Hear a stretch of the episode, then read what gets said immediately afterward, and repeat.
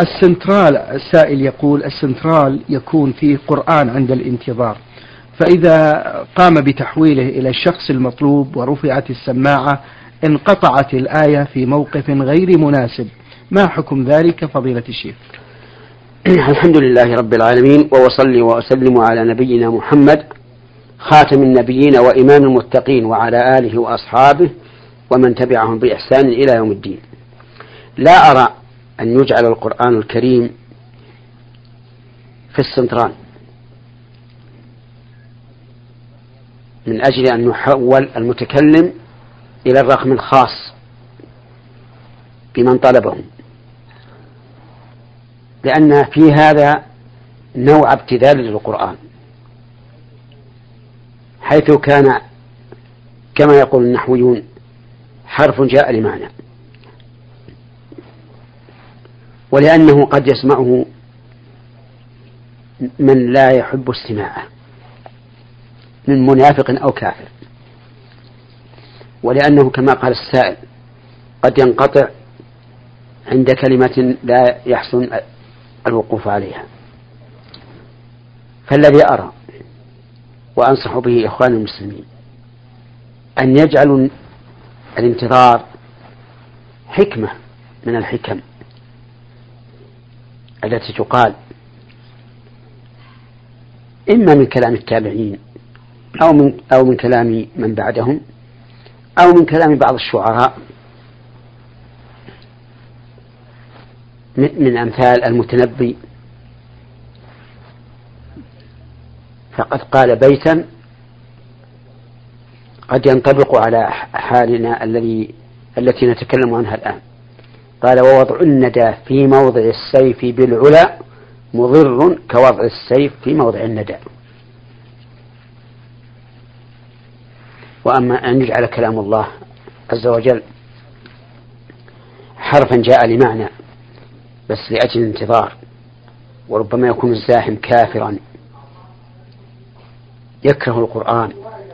وربما يتكلم بكلام بذيء فالحاصل أن من أن من نصيحة الإخوان أن يعدلوا عن هذا وأن يجعلوا بدله شيئا من الحكم من النظم أو من النثر. نعم. جزاكم الله خيرا فضيلة الشيخ. إذا وصلت المرأة سن اليأس تبدأ تأتيها الدورة على فترات متباعدة بعد ثلاثة أشهر أو أكثر تأتيها لمدة سنة ستة أيام. فهل تعتبر دورة؟ وهل تقضي الصلاة إذا طهرت؟ النساء يختلف. فبعضهن تيأس لسن, مبكرة وبعضهن تتأخر. الحيضة إلى ما بعد الستين أو السبعين. فمتى رأت المرأة الحيض فهي حائض على أي حال كانت.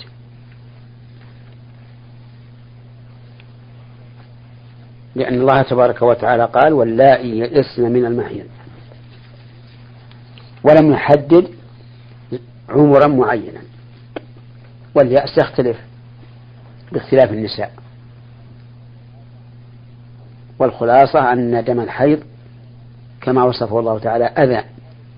فمتى وجد هذا الدم وجب عليها أن تقوم بما يلزم. نعم. أحسن الله إليكم. أبو أحمد يقول في سؤاله هل تجوز الصلاة خلف أهل البدع وأهل وخلف أهل العقائد الباطلة؟ هذا يختلف. البدعة المكفرة لا تجوز الصلاة خلف من يقول بها. وأما البدع التي لا تكفر فهذه نخاطب أولا. المسؤولين عن المساجد. نعم. فنقول لا تجعلوا المبتدع إماما للمسلمين. حتى وإن كانت بدعته غير مكفرة. لأنه يخشى أن ينشر بدعته في الناس. والإنسان في غنى عن هذا. لكن لو أنه جعل وصار إماما وبدعته غير مكفرة فإنه يصلى خلفه.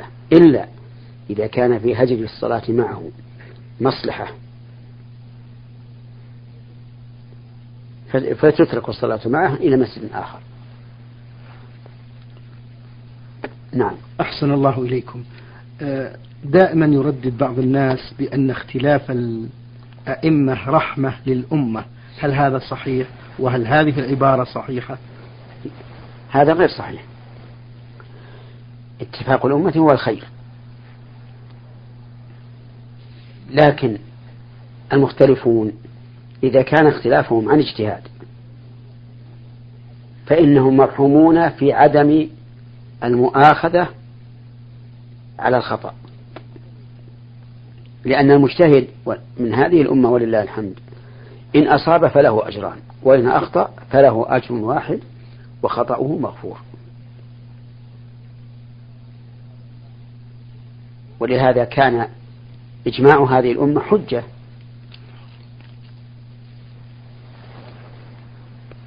فهو الرحمة في الحقيقة.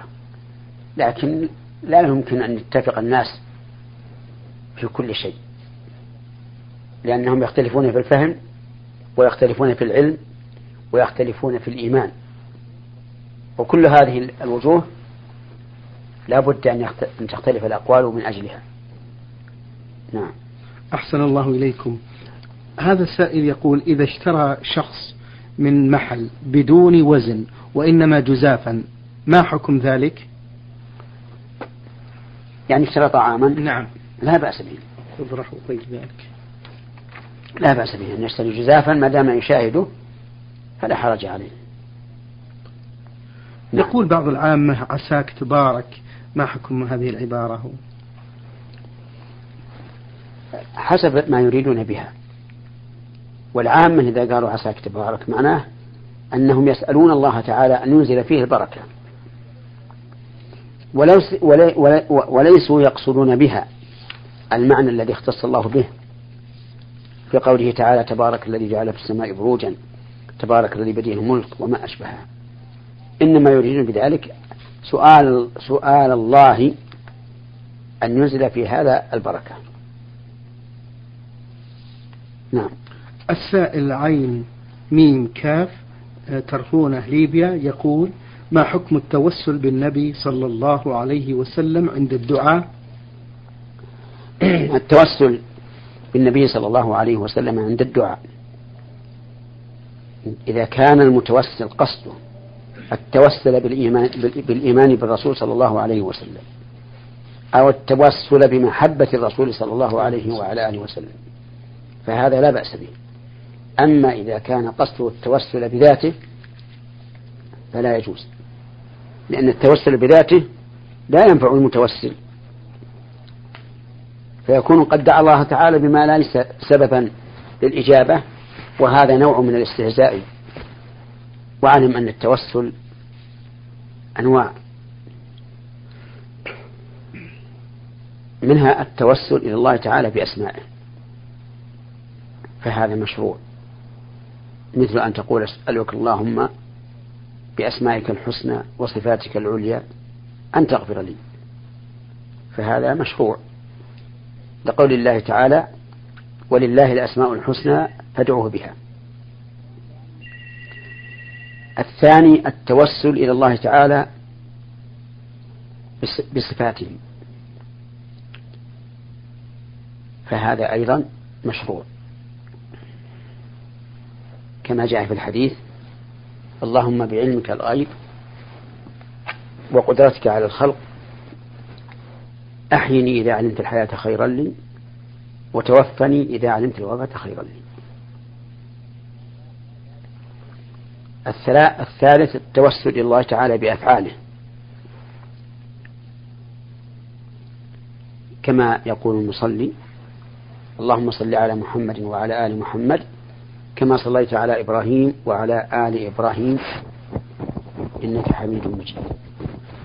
فإن قوله كما صليت للتعليل يعني كما مننت بالصلاة على إبراهيم وعلى آل إبراهيم فصل على محمد وعلى آل محمد.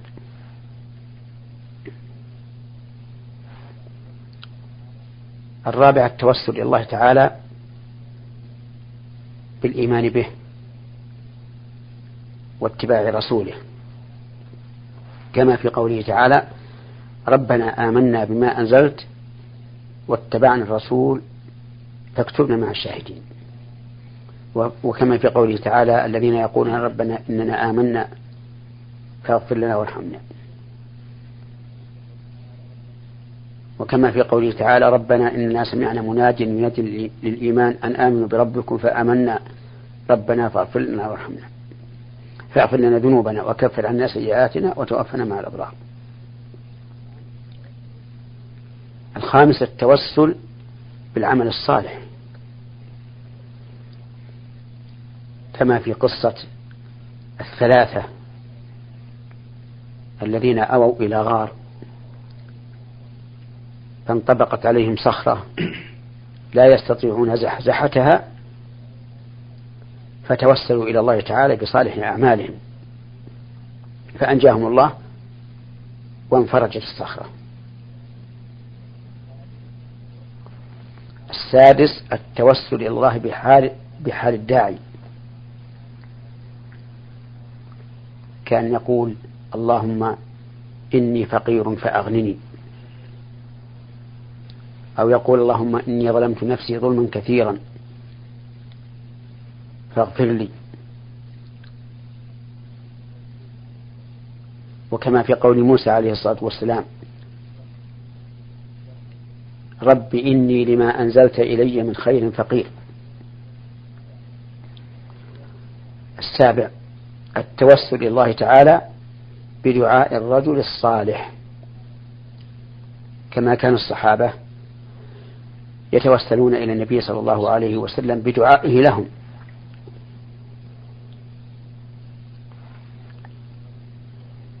كما في قصة الرجل الذي دخل والنبي صلى الله عليه وسلم يخطب على المنبر يوم الجمعة فقال يا رسول الله هلكت الأموال وانقطعت السبل فادعوا الله يغيثنا. فدعا النبي صلى الله عليه وعلى آله وسلم فاستجاب الله له.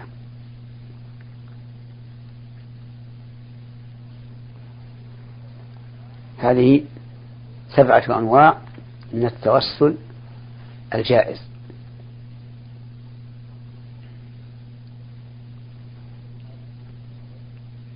وبهذه المناسبة أود أن نقول إن أن أقول إن طلب الدعاء من الشخص الصالح إذا كان يخشى منه أن يغتر هذا الرجل بنفسه وأن يقول إنه من أولياء الله. فهنا تحصل مفسدة. فلا يسأل. كما أن الأولى بالإنسان مطلقا أن لا يطلب من أحد أن يدعو الله له بل يدعو هو, هو نفسه. يدعو الله تعالى مباشرة. أما التوسل الممنوع فهو التوسل بالأموات وقد يصل إلى حد الشرك الأكبر. وكذلك التوسل بجاه النبي محمد صلى الله عليه وسلم أو غيره من الأنبياء أو التوسل بجاه الصالحين. كل هذا ممنوع لا ينفع. نعم.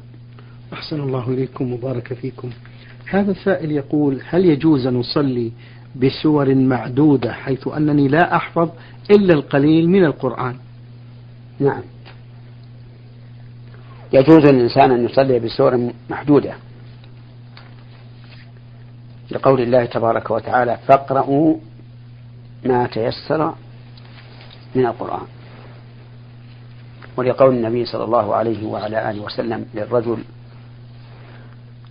إذا قمت إلى الصلاة فأسبغ الوضوء ثم استقبل القبلة فكبر ثم اقرأ ما تيسر معك من القرآن.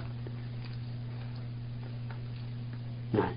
أحسن الله إليكم وبارك فيكم. آه سائل يقول في سؤاله فضيلة الشيخ حفظكم الله الضبع من السباع هل يجوز أكله؟ وهل صحيح أنه يكون في سنة ذكر وفي أخرى أنثى؟ أما أكله فمباح.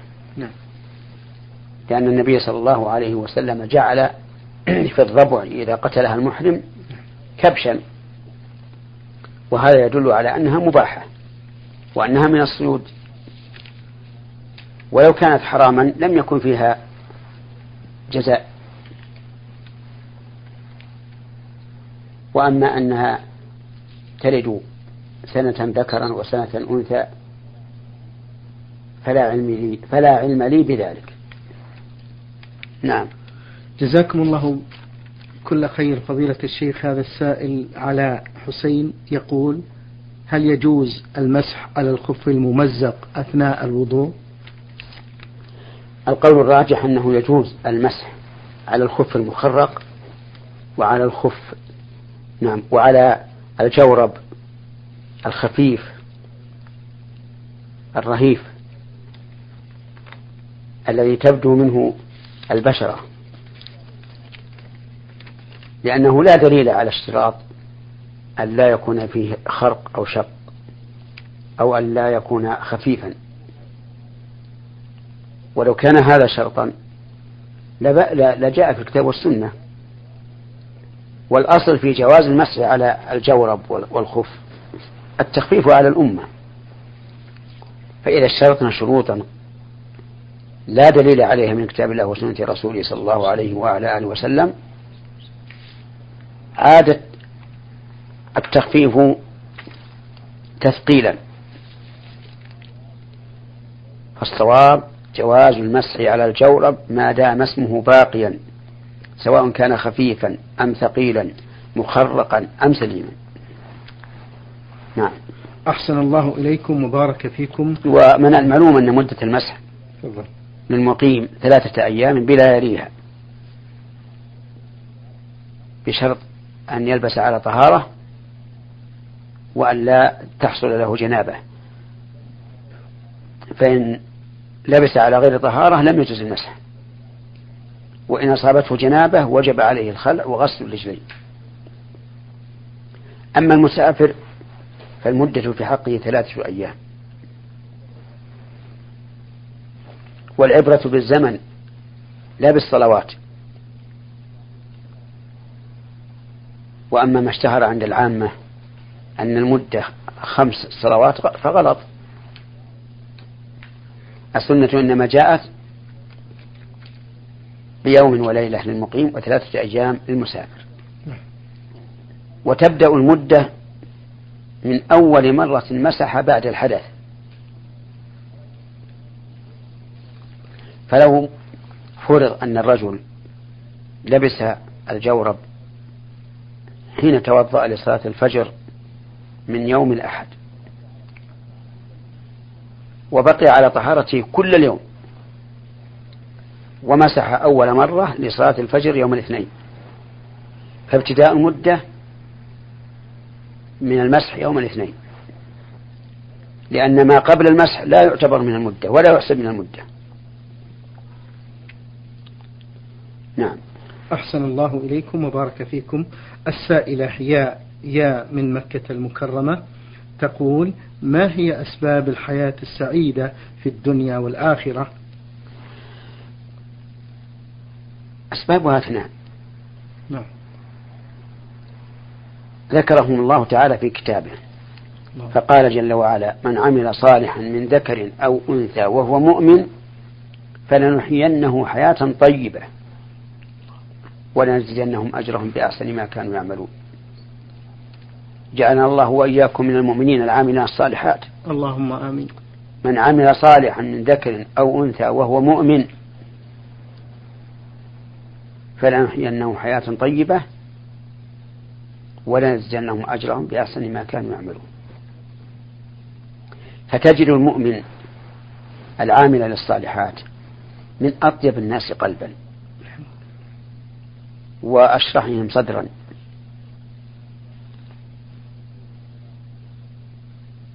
يسير بقضاء الله وقدره ويقوم بطاعة الله ورسوله. لا يفرح بما أوتي فرح بطر ولا يحزن على على ما فات من غير تقصير. فهو دائما في سرور دائما في خير. قال النبي صلى الله عليه وسلم عجبا لأمر المؤمن إن أمره كله خير وليس ذلك إلا للمؤمن. إن أصابته ضراء صبر فكان خيرا له وإن أصابته سراء شكر فكان خيرا له. نعم. هل هناك فرق بين المعجزات وآيات الأنبياء؟ آيات الأنبياء هي المعجزات. وسماها بعض المتأخرين معجزات والصواب أن أنها آيات. لأنها جمعت بين أمرين. بين كون البشر لا, لا يستطيعون مثلها وهذا إعجاز وكونها دليلا على نبوة هذا النبي ورسالته وهذه آية. علامة. ولهذا ينبغي أن نسمي ما تأتي به الأنبياء من المعجزات نسميها آيات. كما سماها الله تعالى في كتابه. هناك معجزات وليست بآيات لكنها من الشياطين. فالساحر ربما يرى طائرا في الجو وهذا معجز. لا يستطيع البشر أن يفعلوه لكنه من فعل الشياطين.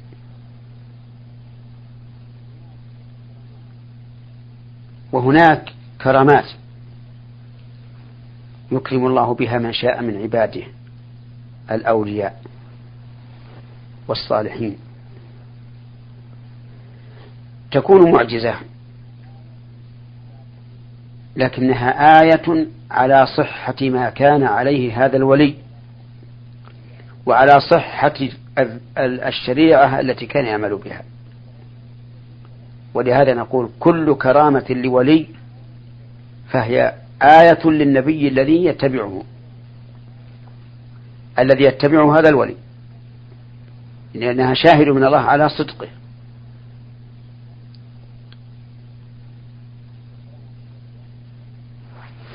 وكرامة الأولياء موجودة في الأمم السابقة.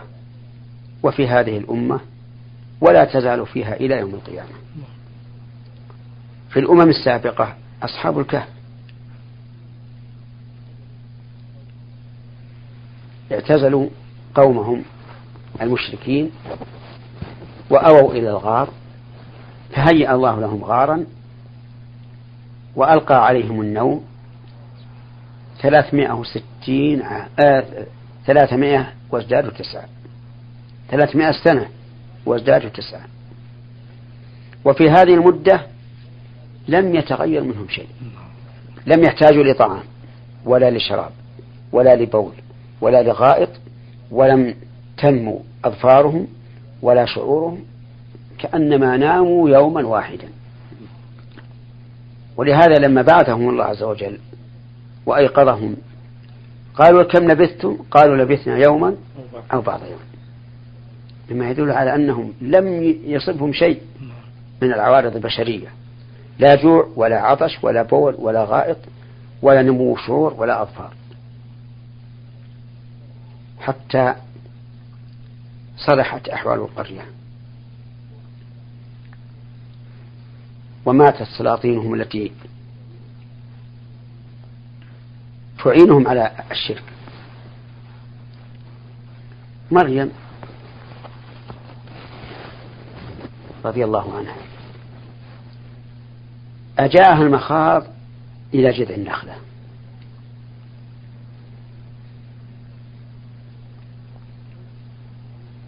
فقيل لها هزي إليك بجذع النخلة. امرأة تبغى والد. وما أعلمك بالتعب عند الولادة. أمرت أن تهز جذع النخلة. جذع النخلة لو هزه أي إنسان ما ما يهز علوه. لكن هي قيل لها هزي إليك بجذع النخلة ففعلت. تساقط عليك رطبا جنيا تسقط الرطب من فوق إلى الأرض ولا تفسد. مع أنها رطب لينة. اصطدامها بالأرض يوجب أن تتقطع. لكن تبقى كأنها مجنية كأن رجلا خرفها. تساقط عليك رطبا جنيا فكلي واشربي وقدري عيني هذه من الكرامات التي أكرم الله بها من شاء من عباده. في هذه الأمة موجودة.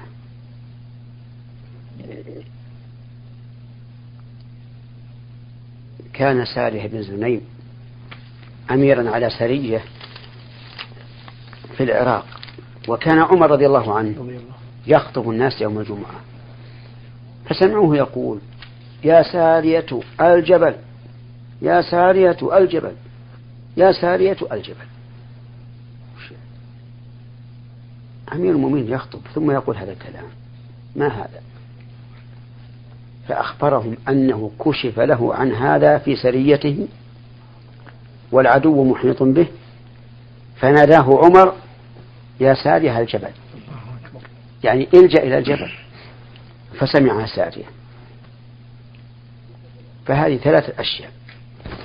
كشف لعمر فشاهدهم. ناداهم فسمعوه لجأوا إلى الجبل بقيادة السلطان وهو على منبر. سبحان الله. كرامة من الله عز وجل. ولهذا كان من مذهب أهل السنة والجماعة التصديق بكرامات الأولياء. ولكن الولي من هو؟ كل من ادعى الولاية هو ولي؟ لا. ليس كل من ادعى الولاية هو ولي. قال الله عز وجل ألا إن أولياء الله لا خوف عليهم ولا هم يحزنون الذين آمنوا وكانوا يتقون. اللهم اجعلنا منهم يا رب العالمين. جزاكم الله خير فضيلة الشيخ. شكر الله لكم من فضيلة الشيخ وبارك الله فيكم وفي علمكم ونفع بكم المسلمين. أيها الإخوة المستمعون الكرام أجاب على أسئلتكم فضيلة الشيخ محمد بن صالح بن عثيمين الأستاذ في كلية الشريعة وأصول الدين في القصيم وخطيب وإمام الجامع